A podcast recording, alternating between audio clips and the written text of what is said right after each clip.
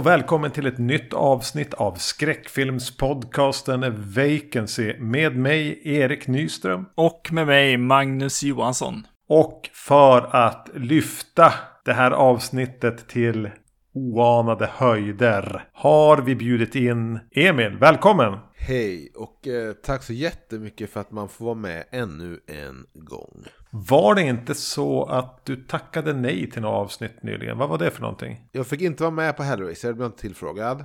Tackade nej. Jag vet hur det förra sommaren tror jag inte blev tillfrågad. Nej? Jag tackade nej på, det var någon film jag inte skulle gå och se på bio väl? Jag vet inte. Det var någon film. Nej, jag vet bara att du sa att jag ser inte att jag har en, en roll här. Nej, Okej. ja. Nej, jag vet inte vilken. Jag minns inte vad det var. Jag tror att jag sa det i det avsnittet också. Att jag hade försökt bjuda in dig. Men det visar väl ändå på, det visar väl ändå på någon sorts uh, ryggrad att jag, att jag kan säga nej och inte bara, Precis, du tar inte alla roller. nej. Det brukar vara tyst då, eh, tyvärr om, eh, om den, vart Emil kommer ifrån på den här podden. Och det är ju Titta de snackar som eh, Emil och Erik har. eh, Där, då, där ni pratar om film helt enkelt. Jag är vikarie. Precis. Ja, just det, exakt. Han vägrar ju, han vägrar ju jobba med tillsvidareanställningar Emil. Utan det är så ett avsnitt för avsnitt. Man jobbar alltid på timmar åt Emil. Annars, annars kunde du varit TF i väntan på en riktig rekrytering. Evig gäst. Jag, jag kan bara säga då, för att få lite klarhet i det. Jag tackar nej till att vara med i avsnittet om Sorcerer och Wages of Fear. Det var så det var. Mm. Men jag kan ju säga då bara att Sorcerer är en väldigt, väldigt bra film. Jag gissar att ni kom fram till detsamma när ni pratade om den i det avsnittet. Ja, precis. Eh, förutom att Erik hade sett en av, av eh, William Friedkins eh, versioner där han går in och eh, ju, färgjusterade sina filmer.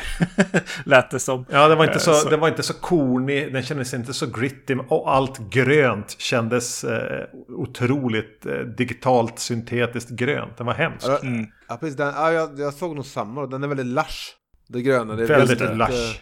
Det, det var den inte för mig. Bara i en, en av scenerna hade väldigt så här eh, lush eh, eh, vegetation utanför ett hus. Liksom inifrån och ut. Har du sett Wages of Fear än? Nej, jag har faktiskt inte gjort det. Men eh, jag borde väl göra det. Sorcerer var ju sagt så jäkla en sån käftsmältefilm.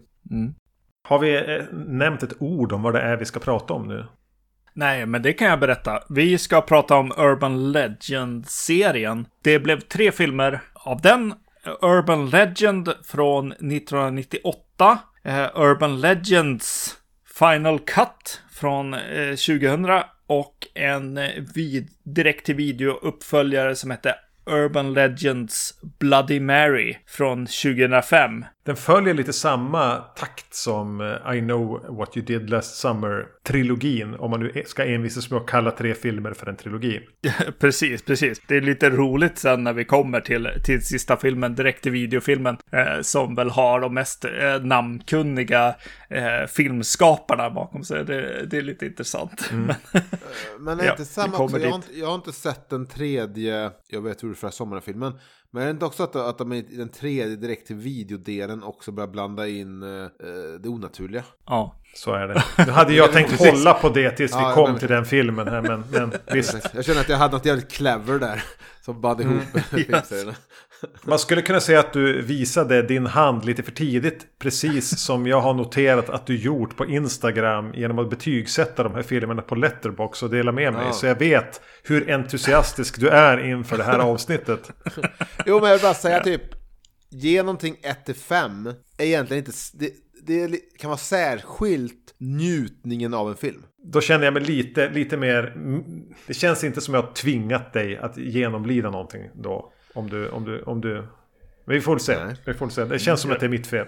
Precis. Eh, vi, vi är ju rätt dåliga med när de här avsnitten kommer ut. eh, men vi kan väl säga att vi just har eh, spelat in ett Halloween-avsnitt för Exorcist Believer. Eh, Och det på kommer, de det kommer eh, om en vecka ungefär. Om jag ska nu slänga ett öga på vårat release-schema. Just det. Ja. Ja, ni har ändå ett release-schema. Jag ville följer flagga det. för hur många öl in jag är i avsnittet. Ja, men ni har ett väldigt en, en, en, rigid plan och ni följer den rätt uh, duktigt eller? Alltså den är ju inte så långt. Vi vet inte vad nästa avsnitt är till exempel. Men jag har, jag har ett Nej. schema här. Jag kan hålla upp mot, mot kameran. Så. Ja, ser ja, ja. ja, ja. Ja. Låt oss börja prata om Urban Legend från 1998. Där en mördare mördar collegeungdomar baserat på moderna myter. Den här är regisserad av Jamie Blank. Blanks. Blank. Blanks. Vet Ja. någon någonting om honom? Nej.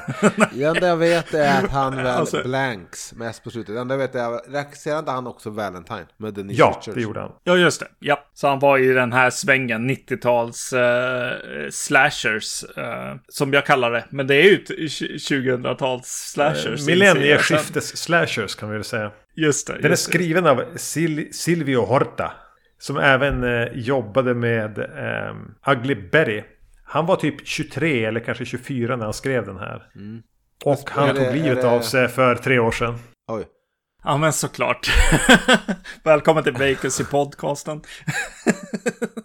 Är det ett spec-script? Eller eh, liksom blev han satt att skriva manuset? Vad sa du just nu? Spec script. Ja, alltså skrev han en film som han döpte Urban Legend och skickade runt i Hollywood och den blev upplockad? Eller var det en producent som sa vi har den här boken eller vi har den här idén. Kan du komma in och skriva en film om Urban Legends? Vi har, vi har Robert Englund fixad och vi har det här och det här men Hur ska jag veta det när jag bara har klickat runt på IMDB? jag vet inte. Han, han tog livet av sig 2020. Det var det, liksom det som var min poäng. Just det. Ja. Ja, och att han var väldigt ung när han skrev det här. Om det sen var ett eh, spläckjobb eller vad du nu kallar det för. Eller om... eller om spec, alltså skrivet på spekulation. Att han skriver en film han tror på och skickar runt den och hoppas att någon plockar upp den. ja. Det är ett vedertaget begrepp, Erik Nyström. Spec-script. Kände du till det här Magnus? Eh, ja, jag förstod vad, vad Emil Ja, pratade jag har ingen om. aning om vad ni pratar om. Ja, Ett litet så här koncept om man skulle göra, göra hisspitchen på den här är väl egentligen... Ja men okej, ni minns Scream. Där mördaren Ja. eh, var inspirerad av, av skräckfilmer. Här är mördaren inspirerad av moderna myter. Det är lite någon Just det. sorts halmstråsvariant av vad har vi som vi kan... Vad har vi som är någorlunda på något sätt kan vara besläktat med Scream som vi kan göra en, en film om? Ja, vi kan krysta till Urban Legends. Och jag ska väl säga det så vi, så vi tar med oss det. Hela den grundidén är inte så bra. Nej, Men sen vet jag inte om man i USA har en större relation till de här Urban Legends än vad vi har haft. För jag känner inte till mycket av det här. Så att jag vet inte, visst jag känner till det här med att någon vaknar upp och har fått um, en njure borttagen för den, den säljs på svarta marknaden. Det har man i något sammanhang hört, eller så lärde man sig kanske det i och med de här filmerna. Men, Eller att den här bilen som försöker varna för någon i baks... Alltså att det är en yxmördare i baksätet. är, det, är det känt, vedertaget? ja det måste jag säga. Eh, De, de, de, de, den här första grejen med Brad Dourif, cameoen på macken. När det är någon, någon läskig figur som, som försöker få en att stoppa och inte gå, inte vara i sin bil liksom. Den kändes så här, ja men det här, nu, nu vet jag vad den här kommer handla om på något sätt. Sen känns det som att filmen i sig också vet att vi inte riktigt kan alla Urban Legends. För det börjar pratas en massa om Jag dem. tror liksom att de har, det finns en, två, kanske tre. Och Ja, så exakt. försöker de som ett halmstrå ihop en film. Och få liksom lite, du vet, börja skeva med det där konceptet. Men känner ni till den moderna myten om den gröna handen på nedersta trappsteget? En grön hand Nej. på det nedersta trappsteget. Nej. Fråga era lyssnare om det då. De kan Ja. säkert fylla kommentarsfältet här eh, med, med deras upplevelser av just den moderna myten. Den här yxmördaren, alltså i baksätet, det är väl någonting som till och med Sven Sverige har haft. Alltså det finns väl någon tv-film eller något sånt som har med det att göra. Undrar om inte, vad heter det, Lukas Moodysson gjorde någon slags eh, studentfilm som har att göra med någon av de där eh, legenderna att göra. Om jag inte minns helt fel. Det jag kanske säger är att eh, en del av de här ekar ju. Alltså i andra filmer också. Eh, den känns som jag har sett förut. Men, men framförallt en, en sen med Med någonting på Ja. Ja, taket den liksom, känner jag till. Den skrapar på taket och så hänger eh, Ja. ja, någon man delat bil med hänger och, och skrapar. Det känner jag till och jag vet inte om det är för att man har sett den här filmen som ung eller att, att det är så att den kan vara med i samma typ av böcker där det också står då om den här gröna handen på nedersta trappsteget. Mm. Eh, Att, att, Just det. eh, Du vet, och även det med hunden som slickar, det kommer i en senare film, det nämns väl i den här filmen? Ja, men den, den minns jag att någon berättade. Jo, den, den nämns i första filmen. Och jag minns att det var en sån här spökhistoria som någon berättade för mig. Min Precis. kusin från Stockholm berättade för mig när jag var kanske så här 10. Jag tror de sådana stories ska finnas i liksom så här spökhistoriesamlingar med korta spökhistorier för barn. Men eh, hela det här som finns med i filmen, det här inslaget av att jo, men jag har ju hört att det hände min kusin, eller det hände på min kusins college. Det tycker jag är lite a bridge too far. Där känns det ihopkrystat. Nu vet jag inte om jag eh, kanske stör hur ni lägger upp diskussionen i den här podden, men... Nej, men vi, vi mig- bara låter saker hända. Vi har ingen ordning. Mm. Men det jag ändå bara vill säga om det. Nej, jag tycker inte att det är en bra idé att hänga upp en film. Eh, och kanske framförallt inte en slasher på. Inte en slasher som ska vara en who done it. För det blir så otroligt komplicerat för mördaren att iscensätta sina mord som moderna myter. För då hänger det liksom på att du ska gömma dig i baksätet på en bil. En förbi, eh, bakomliggande eller mötande eller förbipasserande bil ska se att det är en, någon i baksätet med en yxa. Den personen som ser det, och, och, eh, i det här fallet Brad Dourif också vid macken, ska försöka agera för att stoppa.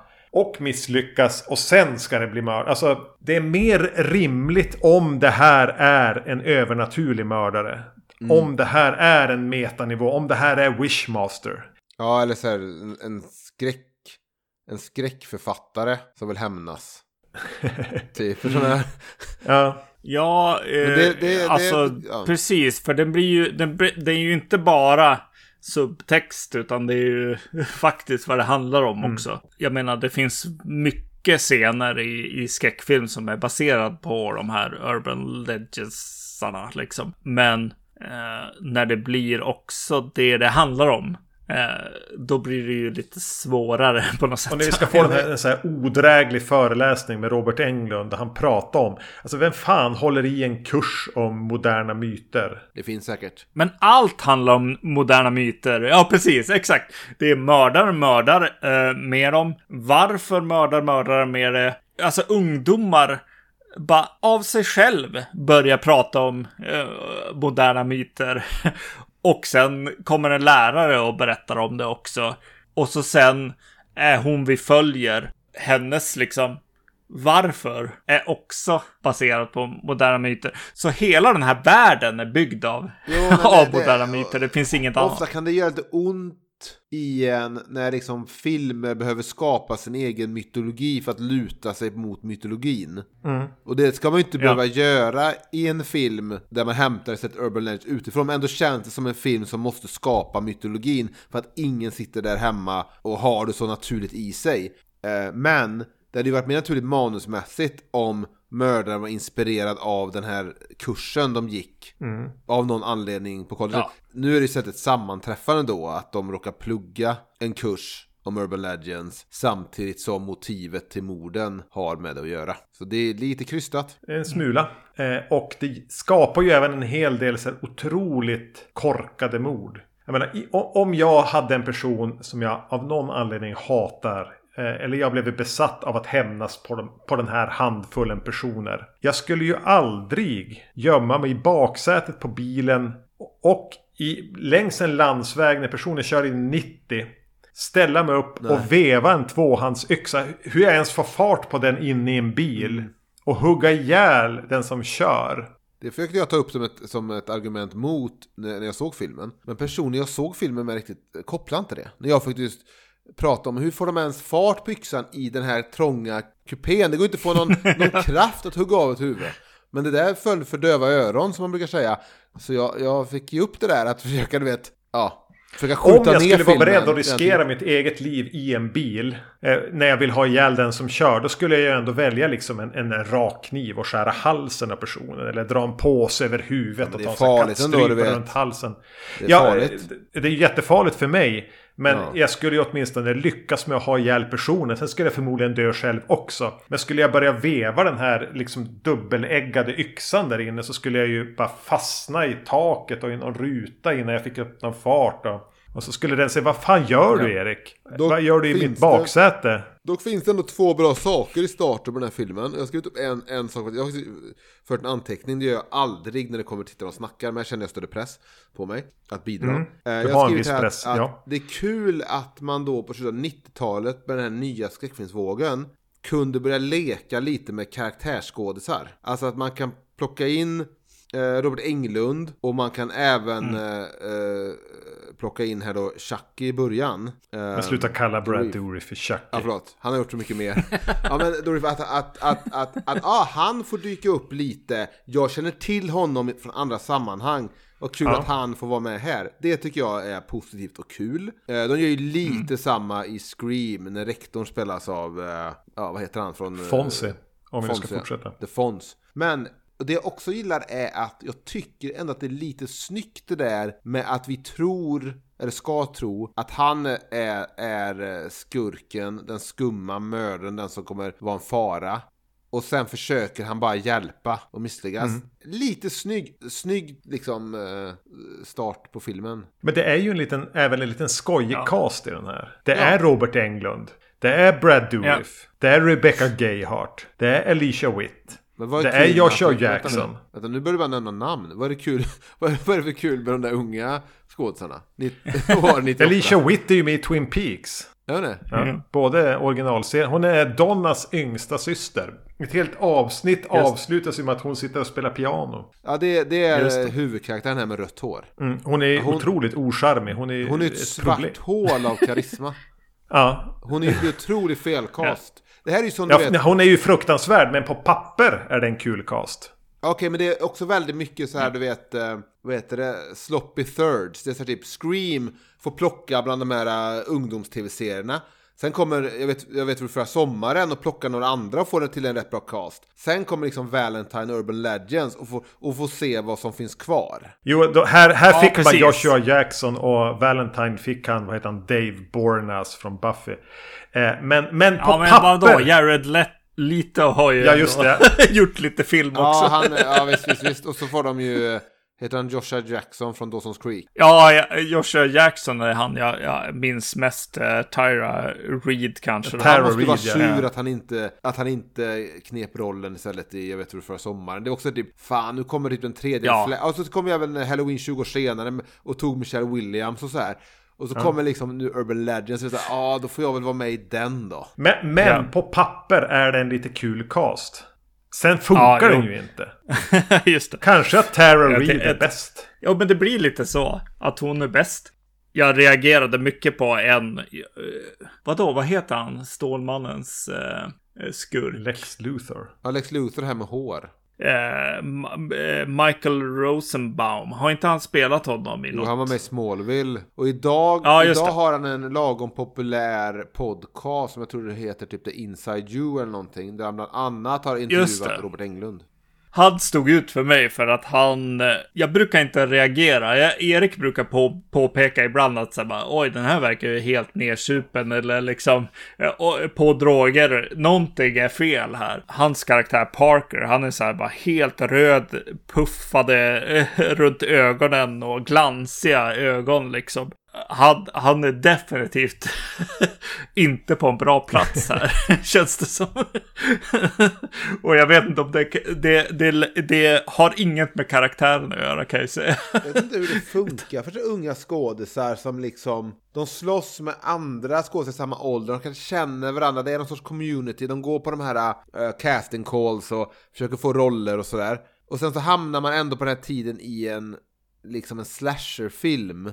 Jag undrar om det Ja. var det han trodde, eller vet, och så känner han samtidigt fan, fan Katie Holmes som jag pluggade med, hon är med i Dawson's Creek nu och, eller vet, Ja. och så sitter man där och plötsligt måste säga ja till den här rollen för att någon agent säger du måste göra detta för att jag vill ha mina 10% eller vad de tar. Så jag tror inte det kan vara... så Jag fattar, jag fattar typ, när man ser däremot Fredag 13 filmen kan man känna Fan vad kul säkert för de här teaterskådisarna att få den här rollen och få vara med i en film. De hade säkert skitkul den sommaren. Men när det kommer till 90-talet känner jag mer att de, de visste liksom att slasher-genren liksom inte var exakt det de vill vara med i egentligen. Ja, precis. Det är ett, en tv-serie och så sen ett inhopp i en av de här filmerna och så sen, sen är det klart. Sen går man vidare. Eh, Daniel Harris är ju med också. Just de spelar goth. Just det. Ja. Precis, hon, hon jag noterade att hon hade, hon hade sex till Rob Zombies eh, eh, låt där. Och eh, sen är med i en Rob Zombie-film. Jag vet inte. Var det ett slags audition? ja, jag vet inte. Rob Zombie bara. "H- Henne ska vi ha. Det var någonting med, med, med, med att hon sitter och klickar runt på något så här gothnet på campus och grejer som var lite, som var lite charmigt och mysigt. Och, och så blir jag alltid lite glad när jag ser Danielle Harris. Sen är hela Ja. mordet på henne lite... Det, det är ju sjukt på ett ganska skönt sätt om man Det är ändå ser för det. Ja, Ja, jag menar att, att, att eh, hon kommer in där rumskompisen, våran, våran karis- svart hål av karisma som du kallar henne för. Hon är hemsk. eh, och Japp. och eh, har lärt sig sedan en tidigare plantering att man ska inte tända lampan för hon har alltid eh, sex med någon snubbe i sängen. Och, de, och att hon kommer in och bara ja, ja, ja, ja, ja. Och hon blir ju mördad. Och hon lägger sig och sover. Jag tycker att man underspelade det sjuka i det. ja, jag tycker att det är bra, bra, sjukt liksom sak som händer. Men det är väl just den här karisman på något sätt. Att hon är det så, finns en sån katastrof här, Alicia Witt. Ja, hon, ta- hon tar inte det på, på allvar. Det är inte, inte jobbigt egentligen. Men det kanske inte heller ska vara egentligen i en, i en sån här slasher-rulle. Det kanske inte ska vara så, så farligt. Men då är ju Eh, tanken man så mycket värre än vad det får utrymme att vara. Ja, exakt. Det är bara, eh, tänk inte för mycket på det här. det, det är inte, inte Seven vi ser på liksom. Nej, jag, Ja. jag tror lite att om man inte sätter filmen under så här 24 timmar som en Fredag 13 film där man tar tid liksom och, och kanske verkligen landa i att folk dör så tycker jag den här typen av filmer behöver någon sån här begravningsscen. Du vet Just som Terra på Elm Street har, kan vara så att tredje filmen här har en sån scen. Jag skulle just Men- säga att Urban Legends eh, Bloody Mary bjuder på en hel del begravningsscener. Ja, men jag tror det behövs den där lugna, du vet en präst som pratar, folk ser ledsna ut. Vi landar lite att någon verkligen har gått bort. Det är lite dämpat på campus. Ja, precis. Den, den här vill ju bara vidare. Den bara nej, nej, nej, nej, nej, nej, nej, stanna inte, vänta, eh, tänk inte på hur sjukt det här var. Eh, utan gå tillbaks till, till Central Perk, eh, eller vad det Ja. heter, eh, soffan och bara, woohoo!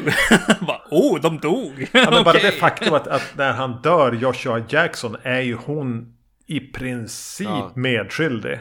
Ja, precis. Ja, jag tänkte det. på det. För Mm. att hon kör ju iväg. Hon kör bilen för att han hängs va? Ja. Men det är också någonting som varken hon eller filmen tar ansvar för. Och Nej, förutom då kanske att de ger Joshua Jackson får bli lite asjobbig liksom. på något den sätt. tar ansvar i så förväg så att han förtjänar det här. Ja, exakt. Så här, det, det har nästan behövt vara typ ett första mord i introt. Och sen klipp till hon sitter hos en terapeut och pratar om det inte riktigt kommit över det. Och så startar filmen typ. Men sen Ja. har vi också du vet det här. eh, Det är också lite Scream-grejen det här då att mördarna alltid ska ha, vara klädda i svart på något sätt. Så om man inte kan ha en svart halloween-dräkt som niemannen. Om man inte kan ha eh, en någon sån fiskarrock. Så blir det så här, ja du får ha en typ så här, eh, ett, eh, vad heter sån jacka, eh, vad heter den där? Bara en vinterjacka. Ja, en en vinterjacka med liksom med päls runt kragen, vad nu en sån jacka heter. Canada Goose kanske, jag vet inte. Men, Ja. eh, och det blir så här, det blir också lite sådär, det känns nästan som du vet, man skulle kolla på en svensk slasherfilm så skulle det kunna vara så att de har klätt, du vet, 50-åriga Berit som jobbar som kostymör, vet inte, har inte så, så mycket visioner kring skräckfilm och så att ja, vi kan ju klä personen kanske i en, en, en täckjacka. Här är det enda trivian eh, jag känner till om filmen. Och det är att så här, okej, när vi gör Urban Legend, då kommer den utspelas på vintern. Kanske runt jul någonstans. Och så sen så hände det saker och så blev det inte på vintern. Men eh, mördarutstyrseln blev bara exakt likadan. jag mindes ju den här fäktningsmasken. Jag tänkte att, ja men just det, Urban Legend, det är fäktningsmasken. Det, det kom ja, ju tydligen nej. senare. Så här är det någon som går omkring och bara svettas jävligt mycket för att, för att se lite cool ut. Och även att de gör red herrings med det. Att andra personer går omkring och svettas med huvan uppföljd ja. inomhus. Ja. ja, det är som ja, de jävla kängorna i, i Scream. Närbilder på folk som bär kängor. Jo, du vet, måste hålla uppe huvan. Så att man inte syns. Fan, sätt på dig en rånarluva liksom. Utifall att huvan ja. faller av. Mm det gör att den här filmen blir, för jag, jag skulle se om den då för jag skulle vara med i avsnittet, det var kul att se om den här filmen. Det, jag såg framför mig, ja Robert ja. Englund är med i någon scen och sånt. Och sen började jag tänka, men vad handlar filmen om? Och så blev jag så här, ja för att vänta, för Valentine är ju filmen där Jared Leto är med. Och de sitter i någon café och alltid och babblar. Så, bara, så det är den filmen, så fan, Robert Leto har jag ingen koll på. Sätter mig för att kolla på filmen så dyker Jared Leto upp och jag bara, ja just det, det är den här filmen ja. Mm. Det, det, är nog, ja. det är nog mer Valentine jag inte kommer ihåg. Jag vet att någon äter choklad i filmen, men möjligtvis blod eller glas i. Men, någon får näsblod. Mm. Men det känns bara som verkligen, du vet... Um, jag vet inte, det känns bara som, som överraskande många nivåer ifrån eller under Scream. Ja, alltså jag mindes ju den här som att först kommer Scream. Och jag tyckte ja. väldigt mycket om den när jag såg den på bio. Eh, sen såg jag även Jag vet vad du gjorde förra sommaren på bio. Och ja. tänkte mm. att det här var ju något pinnhål ner. Men ändå. Precis. Och sen såg jag den här, inte på bio, men kanske på no, no, att någon hade en filmkanal. Och att jag vet att jag, jag vet vem jag såg den med och så. Och tänkte, ja men det var ju ungefär som Jag vet vad du gjorde förra sommaren. En lite så här muskligare storfilms-slasher med en massa mm. heta tonårs eh, med twists and turns i manuset. Det var mina minnen av den. Och sen när jag ser den är den fruktansvärd. Fruktansvärd. ja, alltså, jag har eh, förmodligen eh, så här. Eh, Erik brukar säga, åh, minns du när vi såg den här? Eller när du såg den här för första gången? Det här är en av de enda filmerna där jag bara, ja, jag vet exakt när jag såg den. Jag, så, jag såg den i Luleå med min, min nuvarande, eller inte nuvarande, min... Din fru för tillfället. min dåvarande flickvän, nu fru. Och hennes eh, syster och hennes kusin.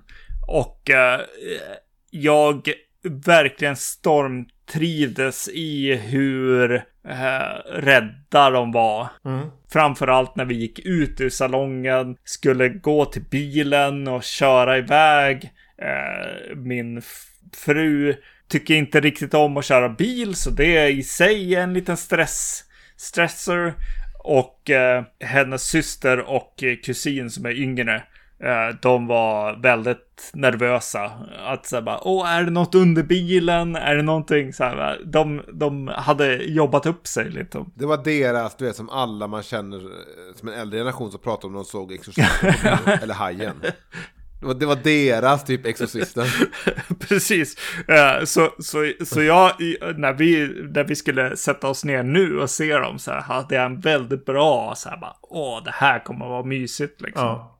Jo, jag med. Och uh, ja, det är väl, eh, är väl inte riktigt så. Uh, jag, något som jag kände på något sätt som var ett bra grepp för en slasher är att eh, de kommer på att lägga så här uh, prior evil eller pranket kommer in senare i filmen. Mm. Man vet inte vad som händer. Varför? Varför är folk ute efter efter de här ungdomarna? Eh, och det verkar så här eh, krypa in mot den här eh, huvudpersonen. Eh, det är någonting som har med henne att göra. Och sen får man se liksom det som gick fel på något sätt. I know what you did last summer-delen liksom. Det tycker jag är ett bra grepp för en sån här film. Men det är först då man kan börja tänka på huvudpersonen som någon typ av sympatisk person eller någon som har lite in något intressant i sig. Eh, och eh, det är ju jättetråkigt för då har de redan förstört det. Jag, jag bryr mig inte om henne överhuvudtaget. Och sen bara, ja ah, nu vill du att jag ska bry mig om henne. Jag gillar greppet, jag gillar inte execution här. Har ni sett, eh, det har ni, men minns ni Adams Family Values? Alltså den andra Adams Family-filmen med, med Raul Julia och Christina Ricci och så. Är det då, är det de typ tvingas ut från sitt hus? Eh, men det är då de är på summer camp och Fester gifter sig med, med Joan Cusack. Hon är liksom skurken. Minns inte.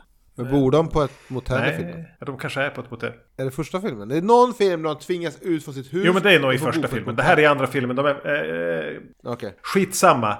Eh, det visar sig, Ja. att, eller det visar sig tydligt, Joan Cusack är liksom skurken som vill, vill åt deras pengar och har gift sig med Fester för det. Hon, Mm. i slutet på den har hon liksom bundit fast hela, hela Adams-familjen och ska elektrifiera dem. Men innan hon gör det så visar hon som en slideshow på varför eh, hon blev den hon blev. Och, eh, Ah, kul. och varför... eh, Hon fick inte den Barbie-docka hon ville när hon var liten. Och så därför dödade hon sina föräldrar och bla bla bla. Det är exakt samma sak här. Rebecca Gayhards karaktär som är mördaren har en slideshow i princip. När hon visar varför hon är mördaren. Det är inte så att hon har den här dåren som går runt och bara berättar det. Hon har tagit med sig... Hon har tagit med sig, hon har tagit med sig videon. Ja.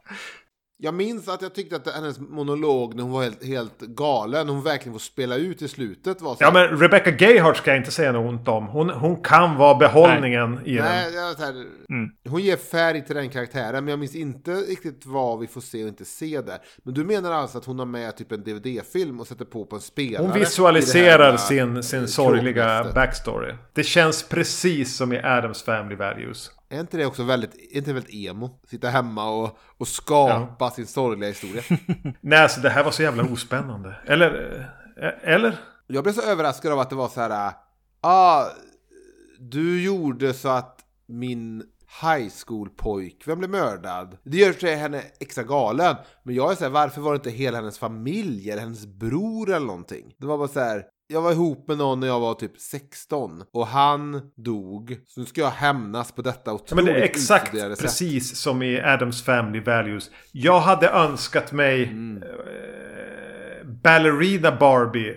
Och vad fick jag? Jag fick Malibu Barbie. Det är klart jag måste döda dem. Ja. ja. ja. ja, det, ja, fan. Det, ja, jag vet inte, det var så att säga, det, exakt, hon, är så färgstark ändå när det är så här typ, hon har fått regi Ja, liksom, eh, spela galen. Hon, hon, är, Jo, precis, hon, hon är ju bra. Alltså, helt Ja. i, noll trovärdighet som en mördare i rest. Alltså att hon ska ha gjort något som händer i filmen. Den där lilla späda kroppen vevar den där yxan i den där lilla bilen. Men, men när hon får spela loss. Hon har ju liksom ett sånt här haj-grin och det här lockiga håret. Och så. Som skurk är det ju inga fel på henne. Men fan vilken skitfilm det är. Det behöver sägas att, att, att skådes, skådespelerskan körde ihjäl en pojke sen efter. Oj. Hon körde ihjäl någon, någon pojke som sprang över vägen. Nu hittar du bara på Mm. grejer. Nej, det stämmer. Det är sant. Ja. Jag, vet inte vad, jag har inget mer att Nej, säga om det. nej. Än att, Och det är ingen modern myt eller någonting på något sätt. jag vet inte om hon försvann från Hollywood efter det. För jag vet inte vad hon gör nu. Eller om hon har varit med i något uh, vettigt efter. Sitter i fängelse, så är det det du säger? Så du satt i fängelse för det, men det var väl uh, vållande till hans död och lite Ja. sånt där. Men jag vet, varför nämner jag ens det? Jag har ingenting mer att säga om det. Jag kan inte ta det någonstans. Jag bara lägger, lägger, lägger upp det som en, du vet, en punkt i hennes IMDB. Du gör en Erik Biografi. och drar ner stämningen helt. Ja. det är bra. Vi, vi, vi rör oss till Urban Legend Final Cut va? Ja, det kan vi väl göra. Jag, jag tycker att vi behöver hålla eh, den här skolpolisen i, i huvudet lite grann. Hur hon agerar i den här filmen för att komma till, två, till uppföljaren. Eh, hon är just den det. som har, har eh, koll. Hon är den som försöker se saker. Hon är den som är uppmärksam och den som en gång kanske ville vara polis, nu är skolpolis och gör det med full inlevelse på något sätt. Lite som en eh, släkting till eh, väktaren i H2O. ja, exakt. Jo, jag tänkte faktiskt det också. Att så här bara, här Ja, behöver vi... Och om det är det här jag ska göra, då ska jag göra det ordentligt. Vi tar med henne in i uppföljaren. Yes. Då eh, egentligen samma sak händer på en eh, filmskola. Ja, exakt. Eh, Och där kan man ju undra varför helt plötsligt serien heter Urban Legends. Final är, det, Cut. är, det, Ja, men det, är två, det var i tvåan det blev ett S alltså. Ja, precis. Kan det vara att eh, det är någon alien eh, flört eller? Eller är det liksom Final Cut är själva Urban Legenden? Det är väl, eh, jag tror att det är bara så enkelt att fan, alien till aliens. Men att, att, att de har fått rätta några så här, eh, när första filmen kom, ursäkta mig, den heter inte Urban Legends, den heter Ja. Legend. Bara det på slutet. Ja, det är konstigt. Jag skrev direkt här då som en punkt eftersom jag har fört typ tre eh, anteckningar om varje film. Varför sparas njurarna till film två? Det känns som en sån money shot eller en så pass känd eh, modern myt, urban legend, att jag blev överraskad av att de inte fick in den i första filmen och sparade den hit. För det är ju den eh, scenen också som jag minns det enda jag mindes från den här filmen, jag mindes knappt fäktningsmasken som då etsat sig fast hos Erik Nyström. Men eh, jag mindes det med njurarna och det känns bara självklart att det, den skulle man fogat in i första filmen. Men det är också kul att de sparade den hit och hade så sån eh, framförhållning. Nej, men det har ju att göra med att det har kommit in en så vass manusförfattare här. Inte den där suicidala eh, pojkspolingen. Utan här har ju Scott Derrickson fått skriva manus. Visst är det så? Vad är det redan? Nej, det är här ja, just det. Ja, precis, exakt. Han har, har haft ett finger med här. Insidious-snubben har, har varit eh, med här och... Scott Derrickson är väl inte Insidious? Jo, det är Han det har väl. gjort Sinister. Sinister. Sinister heter den, ja. Ja precis. Just det, Sinister. Doctor Strange. Ja. En av Emils han- favoritregissörer. Jo, men jag stannade upp där 2004 när jag såg hans Hellraiser-film och kände det här är bättre än direkt till video. Nu vet jag dock inte vad ni tyckte om den. Jag vet att ni har haft eh, två till fem avsnitt om Hellraiser. Jag minns inte. Men jag minns ju, han, jag minns ju hans namn innan han gjorde The Exorcism of Emily Rose och allt det här. Så hade jag hans namn i mitt huvud just på grund av den Hellraiser-filmen. Ja just det, du gillar de här tidiga indie-singlarna han gjorde. ja. Ja, precis. Och det var ju under att han skrev den här filmen också, så han hade ju ändå... Han hade Ja, men jag kan gilla det att han har varit med och, och bara småjobba i, i, i skitfilmer. ja. Och sen gick tillbaka till det. Lämnade Doctor Strange 2 och gick tillbaka och gjorde Black Phone Ja, istället. fortsatte göra skitfilmer. Alltså, Men vi, kan, kan vi bara säga snabbt vem som har regisserat den här? Ja, vem det- har gjort den? det är John Ottman. som har gjort det. Just det ja. Han, han är ju ingen Just regissör. Han är för fan en kompositör.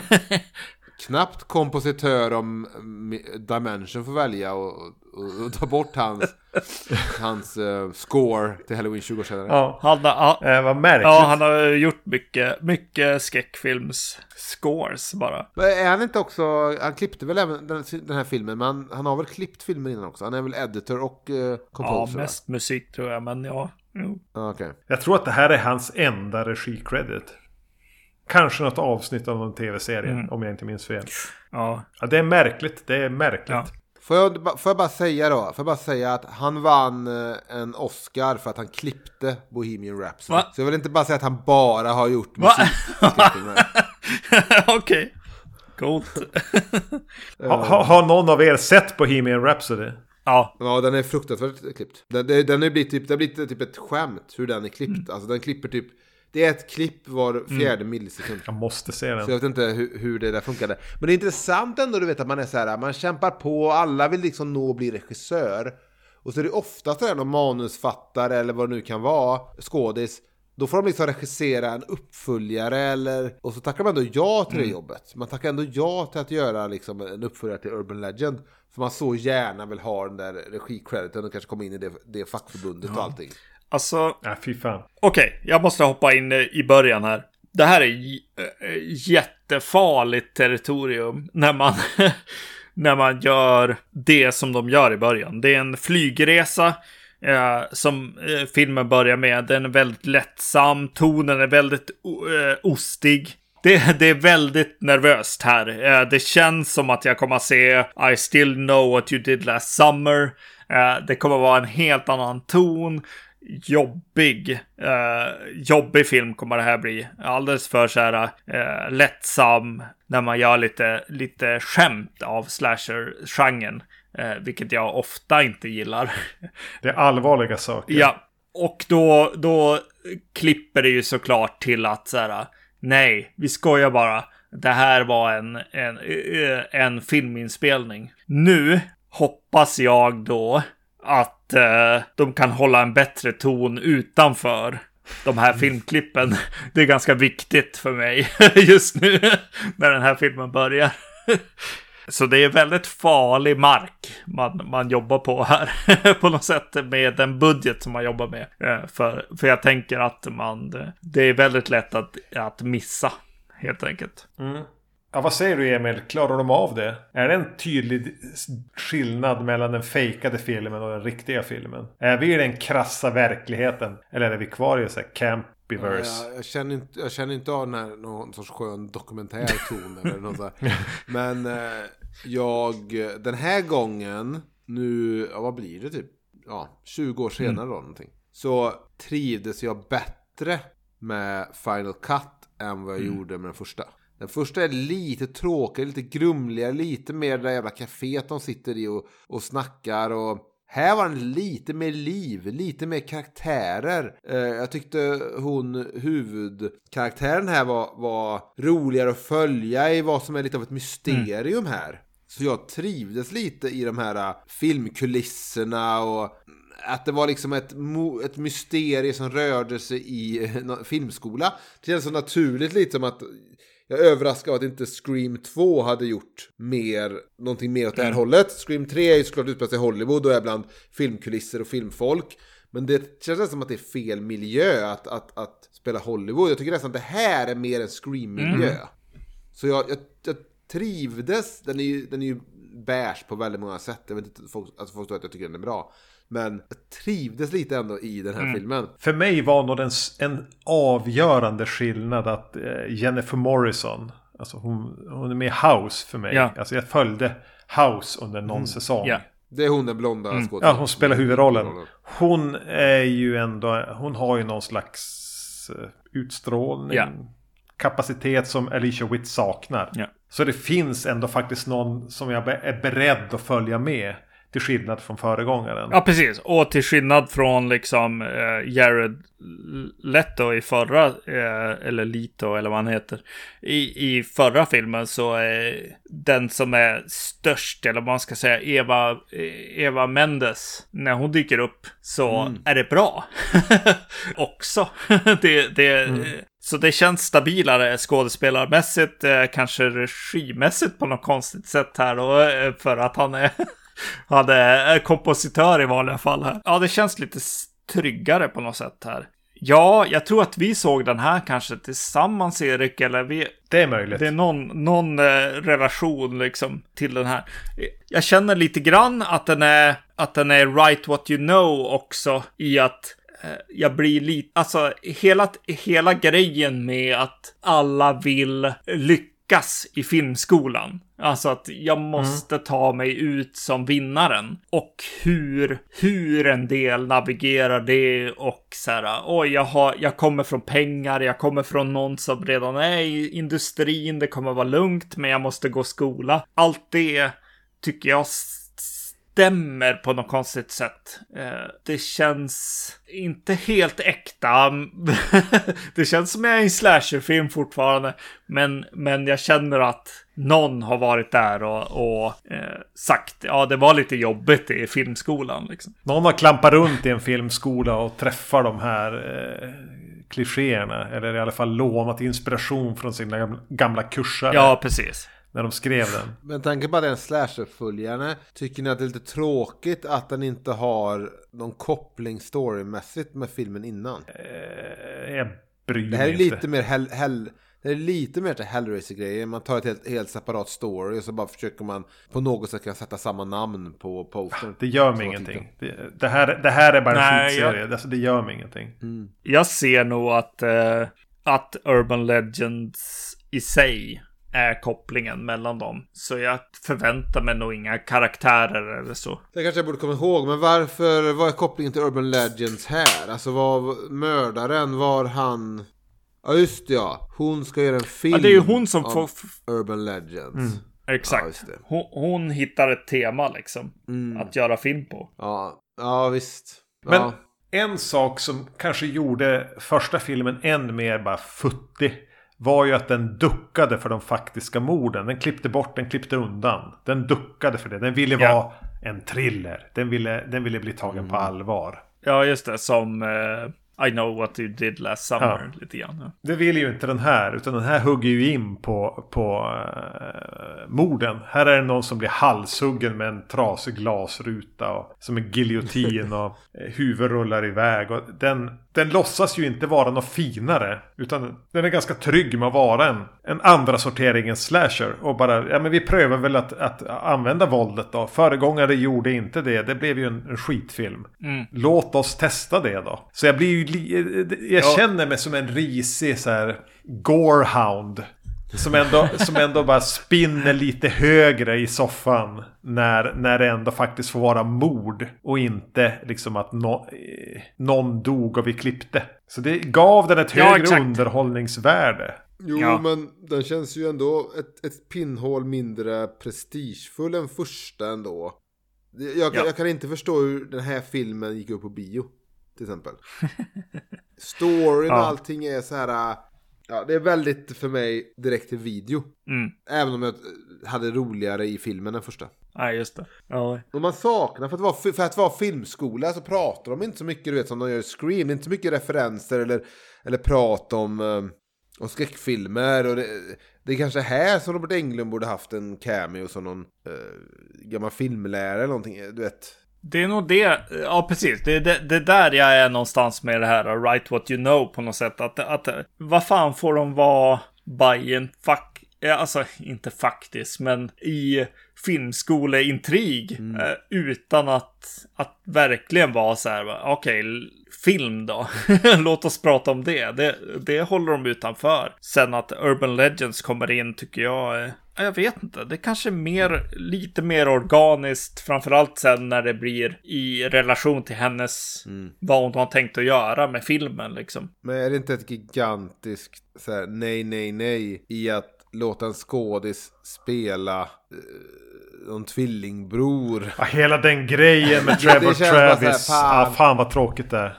Och vad Ja, tråkig det är så han är. Det, det, blir, det blir så såpa och det är liksom nästan som att, att jag ser när de bygger de här filmkulisserna i filmen att det också, det här är hämtat från någon så här tv-såpa där de har behövt vara i någon filmsetting. Och det är så här, typ, jag, jag kan tillåta liksom Jean-Claude Van Damme att spela sin egen tvilling och sånt där. Men inte många, många fler.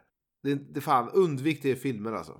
Travis och Trevor. Ja, nej, nej precis. Det, det är ett problem. Helt klart. Och sen, sen att man kastar en skådis som har, ja, precis som jag, ett, ett litet R runt under ena ögat och liksom lite, lite sådana grejer som bara Okej, det där är samma person. Det, det var, han har två tydliga R, ett under ögat och ett eh, vid, vid, vid eh, ögonbrynet. Och så bara, eh, vadå, menar du på riktigt att jag ska vara, ja, tvillingbror? Ja, det blir, det blir, blir tv-såpa. Ja, ja. Nej, det är ju konstigt alltså, men det är ju en redig red herring på det sättet. alltså, det går ju inte att komma undan att så här bara, ja men han är ju, han är ju faktiskt hon, Travis I guess, istället för Trevor. Ja, det är någonting som blir lite Men, så här ja. att, att den jävla tråkigaste karaktären och skådisen. Bara, Fan, vi måste ta tillbaka han. Han var för, alltså. Jag vill inte att han ska komma tillbaka.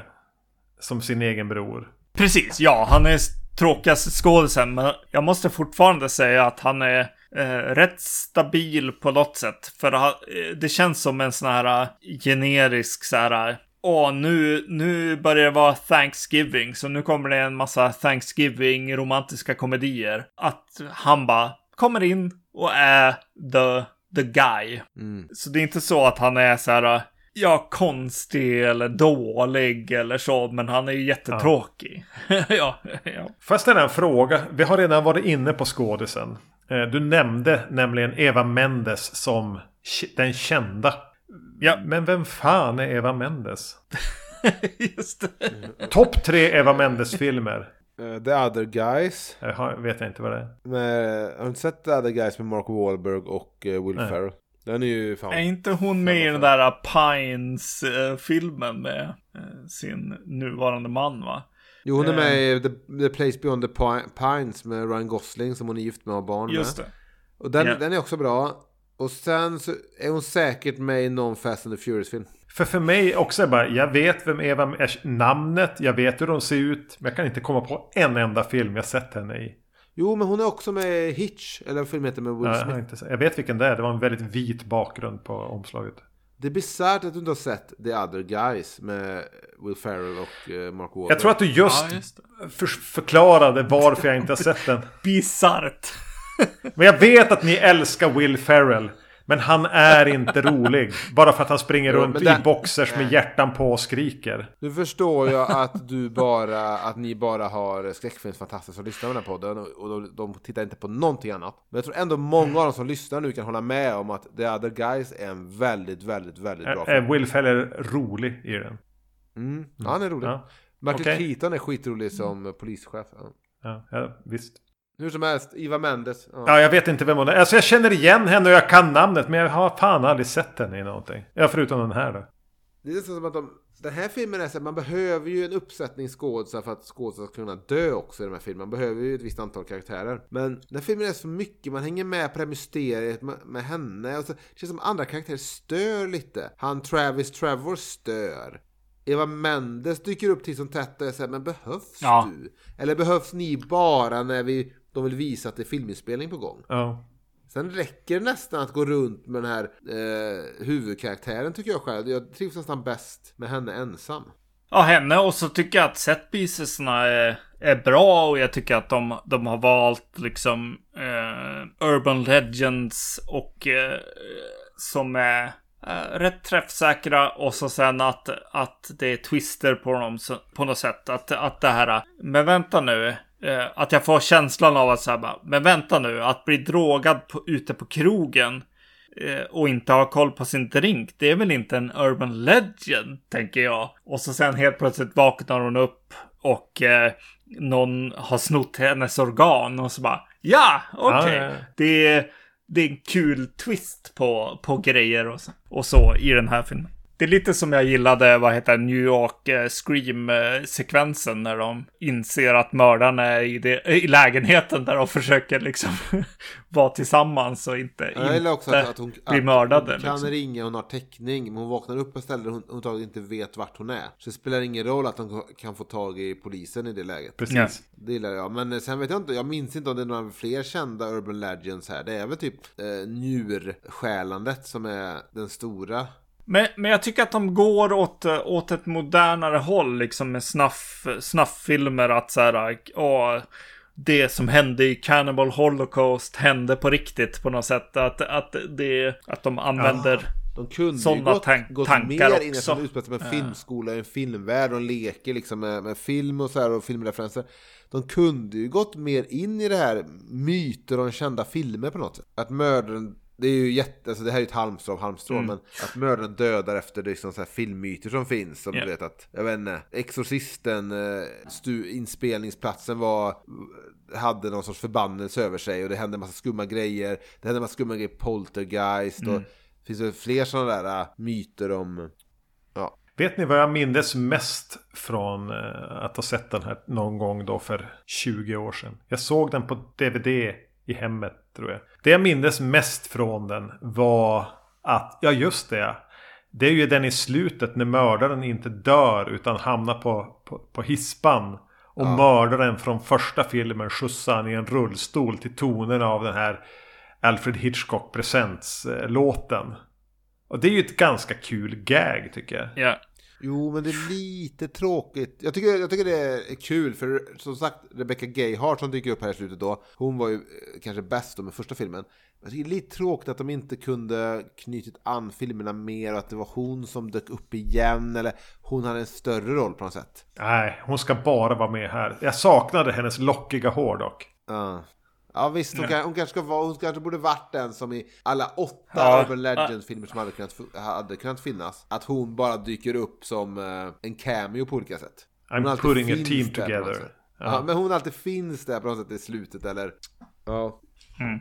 Jo men det mindes jag också. Det var det, njurarna och det mindes jag. Och kanske vagt då en eh, fäktningsmatch. Mm, Mask.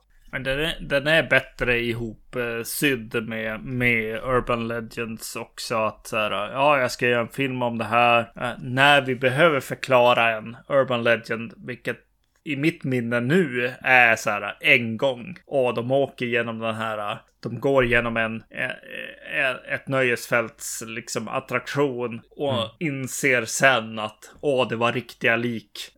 Det är nästan enda gången i alla fall i mitt minne som de börjar så här, ja ah, det här måste jag förklara före, före vi ser det. Liksom, eh, de hittar Urban Legends eller liksom snarlika saker som, som man inser är det under vägen. Det, det är bättre ihopsytt tror jag helt enkelt. Eh, Sk eh, Scott Eriksson, I guess, har, varit, har varit framme och, och tänkt lite, lite bättre än förra manusförfattaren. Och sen, sen Red Herrings och, och så tycker jag sitter bättre. Eh, och jag gillar att jag kan den här Hollywood, eh, liksom filmskoletänket ekar bra för mig. Eh, Hitchcock. Jag som skräckfilmsfantast eller liksom filmfantast får vara med i, i filmen också. Jag gillar eh, den här uh, produ uh, produktionsassistenten mm, mm. Uh, som dyker upp som en red herring, lite kuf, som har tänkt att inte vara nepo baby eller, eller så, utan jag vill göra det här. Jag vet egentligen inte vad, vad det är. Jag vet inte vad, vad jag ska göra, men jag vill göra film. Det påminner väldigt mycket om eh, Tommy Lee Wallace, eh, John Carpenters eh, polare som så här klippte ihop eh, Michael Myers-masken, sprayade den och, och gjorde den och sen gjorde, eh, regisserade Halloween 3. Det är så här bara, ja, det, det är den här personen i min värld liksom. Men, jag gillar det på något sätt. Vilken liksom filmskola ja. Alltså den typ av film de gör i början som är alltså en slasherfilm på ett flygplan. Ett, vilken filmskola har tillgång mm. till ett, ett, ett flygplanskulisser? Två, på vilken filmskola gör eleverna den typ av film? På de, på de rätta filmskolorna. Ja. Det borde, det, ja, Just det, det, det borde John typ Carpenters snarare varit De spelar in en film på ett flygplan Men det är den här typen av film Fan men det råkar uppstå en slasher situation I de filmkulisserna på, alltså för de hade, ja, Det blev bara lite så här typ De pratar mycket om det Hitchcock-priset och Bla bla bla Men samtidigt yeah. det, det ni gör är typ skräp slasherfilmer. Du har bara sett fragment. Nu dömer du för hårt. Ja. Det fanns någonting stort i det slutgiltiga eh, resultatet. Mycket möjligt. Mycket möjligt. Vi såg Nej. inte Travis. Travis film var ju fantastisk. Värd att döda mm. för. Ja. Just det. Ja. Fan, jag vill ju höra vad ni tyckte om, kan vi... Ja men det är ju skräp, absolut, men den här är får, ganska kan vi kul skräp. Ja, jag vill bara veta, vad tyckte ni om mördaren, motivet av Att döda för en det film? Det tyckte jag var så jag hade svårt att det var så bisarrt och samtidigt så här, men det funkar ju. Det var ingenting jag själv hade kunnat tänka mig. Hade det varit jävligt dåligt. Så det varit helt bis så bisarrt att, att någon har suttit och skrivit en filmlärare som dödar sin elev för att sno hans film. För att jag gissar komma ut på lite filmfestivaler. Och då behöver döda alla som är involverade i den filmen. Mm. Det är typ en sån plott som är så bizarr att den borde stoppats av någon i produktionen men ingen stoppade det och vi får uppleva det och jag tycker ändå i slutet att så här ja i det här avsnittet av den här slasher-serien så funkar väl det likväl som något annat. Du har aldrig förstått eh, dedikation till att faktiskt vilja göra någonting. Jag skapar en Nej, film, det är därför du har en podd istället för en, en karriär. ja, men jag tycker att det är en rolig punchline ändå. Alltså det, den här, de som inte kan äh, lär ut liksom. Ja, på något sätt. Ja. alltså det är, det är dumt. Det är dumt Men det var ingen minnesvärd mördare liksom. med tanke på att ni vill gå vidare utan att ens ha vidrört mördaren. Men ja. Jag ska bara? Äh, äh, ta lite medicin. Ska vi gå vidare till nästa film medan han går iväg? Ja, det kan vi göra. Då tar vi och pratar om Urban Legends Bloody Mary från 2005 som är en uh, direkt till videofilm som är lite kul på ett sätt för mig. För att eh, det är här namnen eh, dyker upp. Eh, visst, eh, Scott, eh, Scott eh, Derrickson, visst. Men, men, här dyker en massa namn upp helt plötsligt. Eh, Mary Lambert har gjort den, som har gjort Pet Cemetery, Emils favoritfilm. nej, just det, tvåan var det. Ja, hon har gjort den också. Och manus har Michael eh, Doherty gjort, eh, Campus och Trick or Treat. Tillsammans med sin writer part, par, eh, writing partner som gjorde, eh, där de gjorde, vad heter de, X-Men och, eh, och så. Mm. Precis, de har väl båda jobbat ihop med Brian Singer mycket med manus. Just det. Ja, sen, sen är i huvudrollen är Kate Mara. Och hennes syster Rooney dyker upp i en scen också med någon replik i klassrummet. Just det, exakt. Exakt. Vad handlar den här filmen om, Erik? Ja, det kan ju vara så att eh, någonting hände på en dans i slutet av 60-talet som får eh, ekon in till 2005. Varför dör personer mm. och vad har de för koppling till någon som försvann 1969? Ja, det var, det var, det var ingen vidare resumé. Jag var inte riktigt mm. beredd på det där. Men här, här, får du det övernaturliga i alla fall. Du får ändå att morden sker via någon sorts övernaturlig inramning. Ja. Istället för en slasher. Och eh, ja. Bloody Mary ja, är ju ändå på något vis eh, den amerikanska versionen av Svarta Madame. Jo men det, alltså, ja, och ni har gjort Just en film som heter Svarta Madame. Eh, men det är ingen modern, ja. säga, det är ingen modern myt. Eller är det en, är det en modern det är ju inte en sån här, det, här har hänt. Det är, men mer, det är bara, mer en sån här lek. Eh, alltså det är som att föra ljus. Ja, precis. Eller föra glas, menar jag. Det är som, mm. det, ja, precis. Det är som ett, ett, ett Ouija-bräde eller använder glaset och sådär. Så jag skulle säga att det är en modern myt. Men det var någonting jag ville säga om den här filmen. Mm. Och det är att jag har sett en film, är det Prom Night 2? Eller jag har sett någon film på Amazon. Det finns ju någon film, är det någon som blir dödad i ett, i typ ett som är intryckt i ett skåp mm. eller någonting. Men det är, i alla fall, jag tror det är, är Problem 2 i alla fall. Det känns som att jag har sett den här filmen innan mm. lite. Men jag minns, ja. Har du till exempel sett en uh, japansk skräckfilm? så, så... Uh... ja, nu du säger det. Det klingar lite av, av den vågen kanske. Lite. Ja. Det är lite The Ring. Ja. Precis. Eh, den börjar med någon slags prior evil med, som är i Salt Lake City eh, 69 där tjejer blir drogade på en eh, skoldans. Och två av dem blir bortförda av killarna i klassen medan den andra har aldrig druckit av sin drink. Men hon blir jagad av sin date och blir dödad helt enkelt. Eh, eh, ramlar på ett bord inlåst i en, i en koffert. Och eh, sen kör vi. Men vad var anledningen till att de drogade dem? Var det en date rape grej Jag fattar inte. Eller var det bara någon, någon, en manusfattares försök att skriva? Jag typ tror att det var så här man gjorde på 60-talet. De pratar i filmen om att killarna, eh, att det var, det var de här två eller tre tjejerna. Nej, två tjejerna framför allt de som faktiskt blir drogade, eh, var helt ointresserade av, av eh, dem i, i eh, baseballlaget eller vad fan Precis, de spelade. Precis, man sitter ju där på dansen vid bordet och är lite... Ja. Okej, okay, för att sen när de träffar hon igen, den ena av dem, så så är det aldrig så att hon... Jag blev bara osäker när jag såg filmen om det är det jag tror det är detta eller, eller är det bara någon, något försök till ett prank? Ja, ja. ja. Eftersom det händer igen sen då att bedrågare. Sen hamnar vi ju i nutiden mm. där Kate Mara då spelar våran, en hjälte som skriver för skoltidningen och har exponerat några i, vi säger väl att det är baseballlaget då. Förmodligen har vi fel men vi kallar det för yeah. baseball. Där de har liksom skämt ut yeah. så hon har gjort, publicerat en artikel i skoltidningen så hon de är, de är inte irriterade på henne. Och vid en sleepover mm. iscensätter de en grej där de bara för bort henne och hennes kompisar. Några, några, några ja, men, yeah. jocks. Mm. Vilket blir lite så här onödigt mm. traumatiskt kanske. Det var, det, var, det var ett skämt som inte riktigt vibbade. Men Nej. de gör ju ingenting. Alltså de, det är ju inte så att de har blivit utsatta för någonting. De har ju bara fört bort dem. Ja, det är att gå över en gräns Ja. och så vidare. Men de har snott Ja, det. De har tagit det från sin... Han, ena har väl tagit det från sin egen pappa som han vet om har gjort det då på 60-talet. Eller Ja. vad det nu är.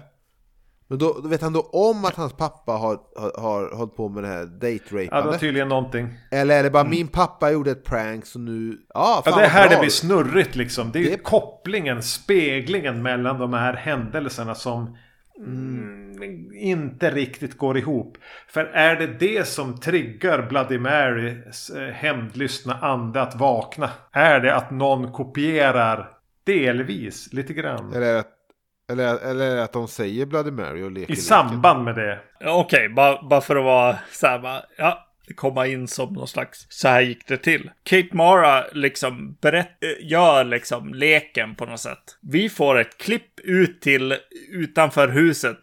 Vi får se en uppenbarelse av, av Mary. eh, Bloody Mary. Hon står utanför huset. Sen helt plötsligt förstår vi som tittar att de här ungdomarna från Slumber Partyt har blivit bortrövade av killarna i klassen. Det är förvirrande. Är det så att Eller? Kate Mara alltså åkallar Bloody Mary som då faktiskt är en riktig Mary som dog 69. ja, Som råkar Ja. se det här. det händer exakt samtidigt. Och då bara- väcker det minnen hos Bloody Mary. Och då råkar det faktiskt även vara så att de som var med och gjorde det här mot Kate Mara var enda barnet till de förvisso fortfarande levande personerna som var involverade i pranket som inte var ett bra prank 69. Så hon ska Ja, hämnas det är på bra dem. alltså. Michael Dorothy. Dorothy. Ja. Eller vad Han han jobbar hårt med det här. Doherty. Det Ja. enda, det enda jag vet är att scenen där de har en sleepover och säger Bloody Mary är det mest tonåringar gör en film med en mini-DV-kamera de har hittat som jag någonsin har sett. Det är, en, det är absolut minst filmiska, alltså det, och sämst. Det här är så... Den är ju filmad på film för den är ju väldigt grynig. Men jag förstår inte vad det är som gör att den här känns så mycket billigare än till exempel Final Cut eller det. Är det bara budgeten påverkar så? Men det är så otroligt... För menar, Kate Mara är inte en dålig skådis nu. Hon är inte jättebra här. Men är det så bara budgeten styr så jävla mycket i vad som blir eh, okej hantverksmässigt och vad som ser ut som, du vet, människor i Skellefteå gör en film som heter Svarta Madame tillsammans. Jag tror det är ganska mycket liksom. Vi tar den här tagningen, vi går vidare. Vi har inte tid att göra en stor etablerande, lugn, glidande tagning. Utan vi jobbar Vi med närbilder och så. Ja, och det är så här, vi, ja, vi kan inte ljussätta lika mycket. Vi kan inte, vi får inte de där extra dagarna att kunna spela in. Allt går nog väldigt snabbt. För det tänkte jag på när man såg massa datoranimerade spindlar Ja, som ja, ja, ja. komma till. Jag bara, varför la, varför la ni inte det här, de här pengarna på att få tre till inspelningsdagar? Eh, ja, alltså jag, jag menar Kate Mara. Hon skådespelar i den här filmen. Alltså hon gör jobbet. Det tycker jag ändå. Hon skådespelar ju som att någon har gått in på, du vet, eh, har gått in på eh, Statistisk sökesgruppen på svenska Facebook och frågar vill någon vara med i min kortfilm? Ja, alltså det är klart att det blir så här. Om jag fick en tagning per gång så kommer en funka och eh, nästa scen kommer inte Det funka. hålls inte liksom. riktigt ihop. Eh, Utan det, jag känner hela Nej. tiden att det är bara, ja men vi har tre tagningar. Pröva de här tre olika tonlägena. ja. Och så tar jag den som blir bäst utan Ja. att tänka på att det ska hänga ihop mellan klippen. Men det är Ja. så jävla, var så jävla kinkig med att det är låg budget. Alltså det, det, det känns onödigt här. Nej men eh, det finns ju många, men det finns ju många filmer som har låg budget men ändå har en vision och gör något coolt av det. Om det så är Mordsordsmassakern eller whatever. Men ehm, här känner man bara vet, en direkt till video billigheten och jag kan inte riktigt säga vad det är. Men det är väl säkert ett ihopslaget många saker tillsammans då, många bäckar små. Min, min största med, med just det är så här. eh, jag vet inte om det är, är eh, Mary Lambert här som, som bara Let's go! det, det är no, någon känsla av så här bara Oj, om jag ska göra en anteckning i min mobil om någonting jag just såg så kommer jag missa en poäng om vart filmen är på väg. Alltså det är ju en så djävulskt tempo i den här filmen. för mig. Det är min största så här bara. Okej, nu har vi sagt det, gå vidare. Uh, nu har vi sagt det, gå vidare. Och så behöver vi en scen där vi behöver säga den här grejen. Do it, gå vidare. Kör, kör iväg bilen, klipp till när du är inne i någon annan dialog. Uh, det, det, det är otroligt tempo med att säga exakt vad du behöver säga och inget mer. Det, det, det var min, min känsla i filmen med att, att den fick en vi, direkt till videokänsla. Det, kändes som, eh, jag vet inte, den här referensen kommer ni kanske inte ta, men eh, Toby Hoopers senare eh, projekt. att bara Let's go.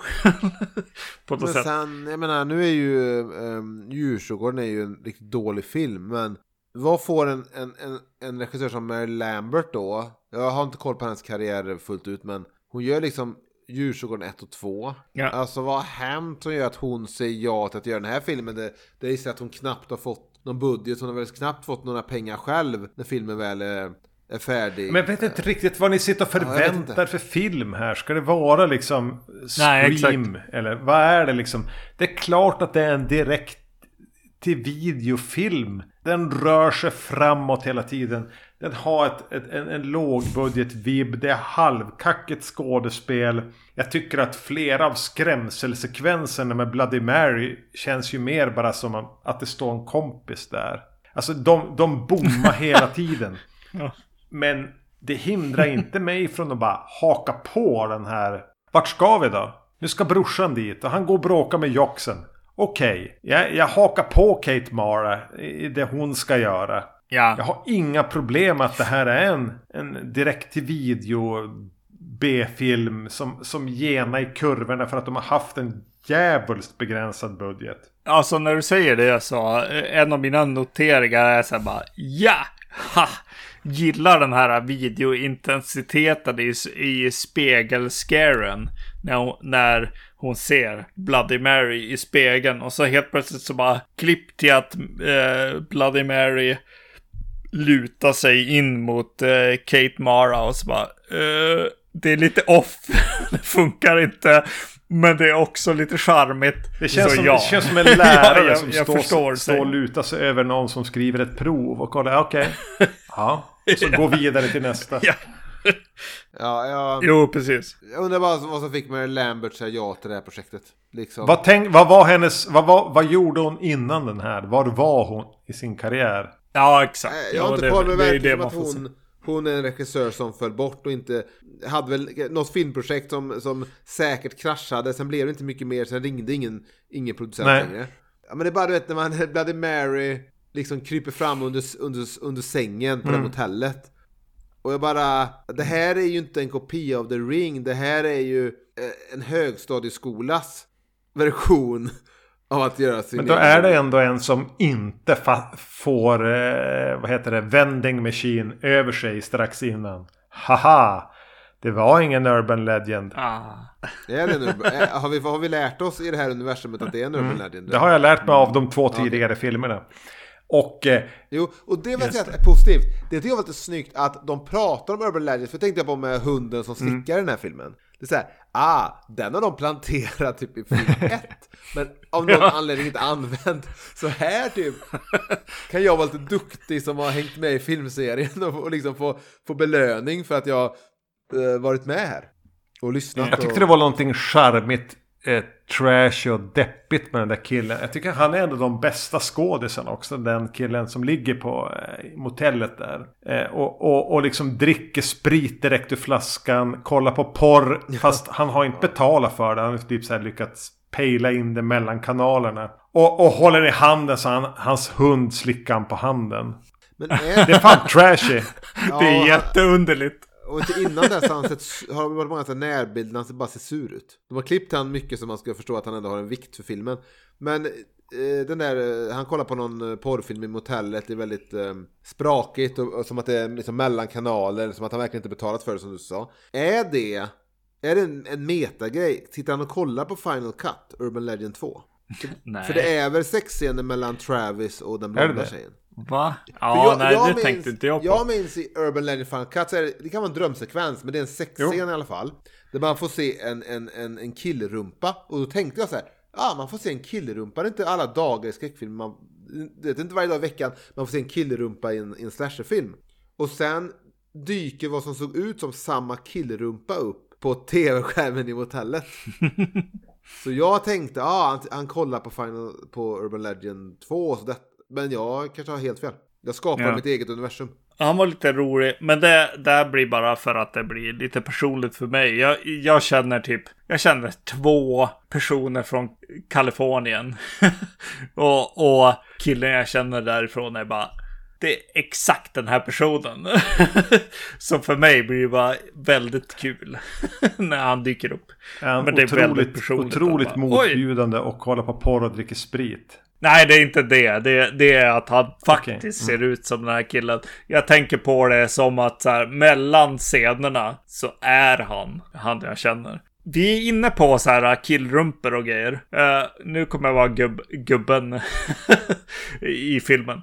Det, det känns som att den här filmen är väl, har så här bara skräckfilm, slasherfilm. Det ska vara, det ska vara bara mycket Ja. bröst. Det ska vara mycket eh, bara överkroppar. Det ska vara lite sex liksom. Det tyckte jag var, eh, var spännande. Hur det var mycket eh, mansöverkropp.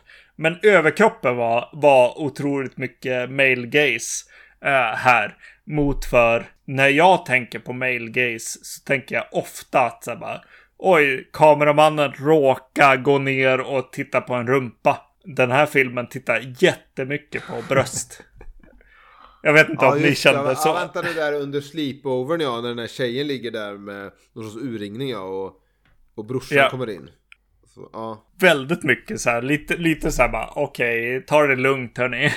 och så sen eh, eh, samma sak egentligen, så här bara, som en referens kanske, eller som en, Eh, jag vet inte om det är något, något, något slags eh, kommentar, men det är mycket, mycket grabböverkroppar och sen kommer det även en grabbs eh, eh, kön. Alltså det är en väldigt så här eh, sk- eh, skirt, eh, eh, vad heter det? Eh, upskirt eh, sed. När en, en man sitter, ligger och solar. Eh, så åker kameran Ja, ja, ja.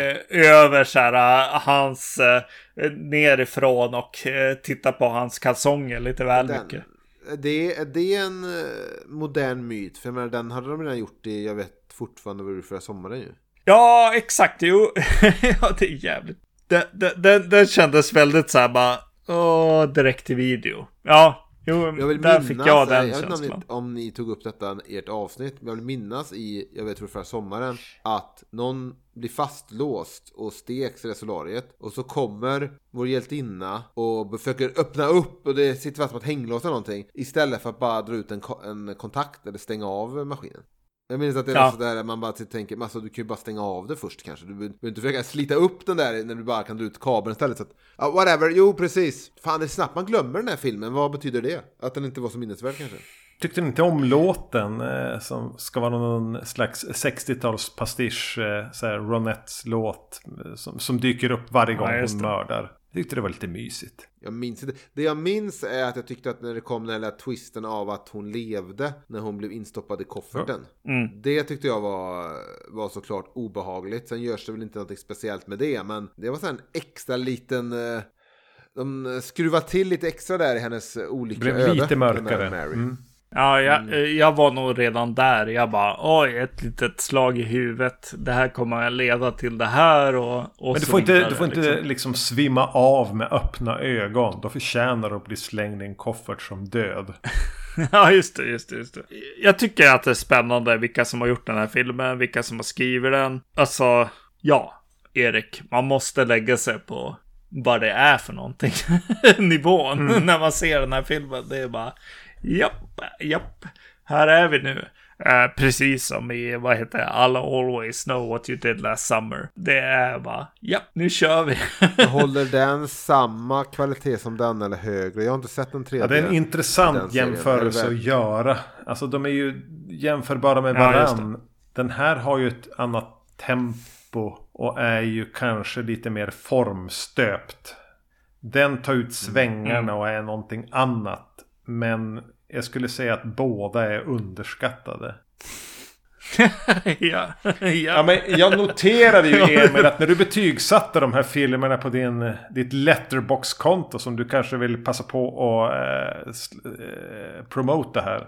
Ja, Det vet jag inte, men jag heter mitt efternamn Mm. Ryderup om man vill, du vet. Det var att du gav första filmen ett och ett halvt av fem. Andra filmen ett Ja. av fem. Och den här eh, 0,5. Och jag jag tänk, tänk på att jag, jag har haft en karriär som filmrecensent och jag var Ja. emot de där halvorna. Även på. DVD-forum-tiden när du också skrev så var jag väldigt emot att ha halvor. Men nu när det finns får man ju ändå Mm. använda det. Jag tycker att det här var uh, hopplöst dåligt. Men jag, alltså ni är ju sådana skräckfilmsälskare att ni kan finna ett nöje i de här du vet de Mm. som slår underifrån och de här äh, mindre skräckfilmerna och för mig... Du vill så- bara ha det cinematiskt och Taffligt. popkulturellt och så. Det ska vara stort. Ja, men jag vill ha lite så här eh, skådespelare från Dawson's Creek med i mina slasherfilmer. Ja. Ja, alltså jag, jag, jag skulle ju vända på skalan och säga att det blir bättre och bättre ju längre man kommer i Urban Legends-universumet. Jag har en väldigt bra bioupplevelse av eh, första filmen. Men det har med hemfärden efter filmen att göra. Att så här, oj, vi måste titta under bilen och se om det är någon där. Det, det var my- väldigt mysigt. Hur gammal var din nuvarande fru då? Typ 11-12 eller? Och hon körde. Nej, jag, jag, Ing, Inga kommentarer. Jag tror att hon faktiskt körde bilen. Ja. menar, helt okej att man blir rädd i skräckfilmer, det tycker jag som man ska bli i alla åldrar. Men, att Men det typ- var ju inte hon som blev rädd. Det var ju, det var ju kusinen framförallt som, som var eh, under, under rekommenderad ålder. Ja, ja, då så. Urban Legends Final Cut har jag en, en bättre... Ja, den tycker jag är, är rätt mysig på, på många sätt. Den är bättre också. Urban Legends Bloody Mary... Ja, nej. nej. Ja, men jag, jag är nej, beredd vet att dö inte. på kullen att Faktiskt. den här filmserien skulle ha mått bra av två installationer till. För då hade vi nått någonstans. Just det, just det, just det. Och jag, jag Ja. kan hålla med dig om att de borde från start gjort en övernaturlig skräckis. Lite mer Candyman-aktig kanske, eller något sådär, så det finns ett övernaturligt eh, inslag om man ska hålla på och prata om Ja. Urban Legends. Och inte att det utstuderade slasher-mord. Eller att det bara råkar bli så. Ja, okej, där är inte jag. Ja, precis, det är inte min ingång i det. Men absolut, om man ska prata om Urban Legends borde man nog eh, gå ut eh, med något slags övernaturligt. Att säga bara, eller? Eh, helt enkelt. är de kanske sanna ändå? Men, eh, eller göra en film som kanske bygger på en Urban Legend på något sätt. Jag vet inte. Men eh, jag vill bara säga då ändå att jag blev ändå lite imponerad av, det såg inte bra ut. Men jag blev ändå lite imponerad av de där 3D-spindlarna. Och de liksom 3D-morphingen av hennes um, sår där det spindlarna um, ehm, kröp ut ur och sådär. Jag blev såhär, det här ser inte bra ut. Men jag kan ändå liksom respektera ambitionen. Men, Visst är det något konstigt med den? Eh, för jag, jag, jag satt också och bara...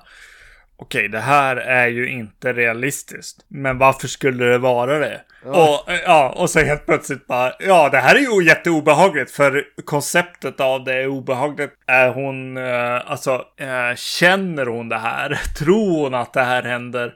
Eller inte? Och så vidare. Alltså, allt blir bara, bara bra. Så helt plötsligt har, har, eh, har huvudpersonen också sett spindlar där. Så bara, ja, okej. De skulle se ut sådär, spindlarna. Ja, varför skulle de inte det? Det är som hämtat från en död Trappa Elm Street-film som aldrig gjordes från 1996. knepet är ju att kunna applicera det på hela filmen. Just det, exakt. Jo, man måste göra det. Ja, Men sen, då vill jag säga en till så bra sak här innan vi lägger på. Jag tycker också mot slutet när vi får veta att den här styvfarsan, vilket man redan hade på känn kan jag säga. En smula.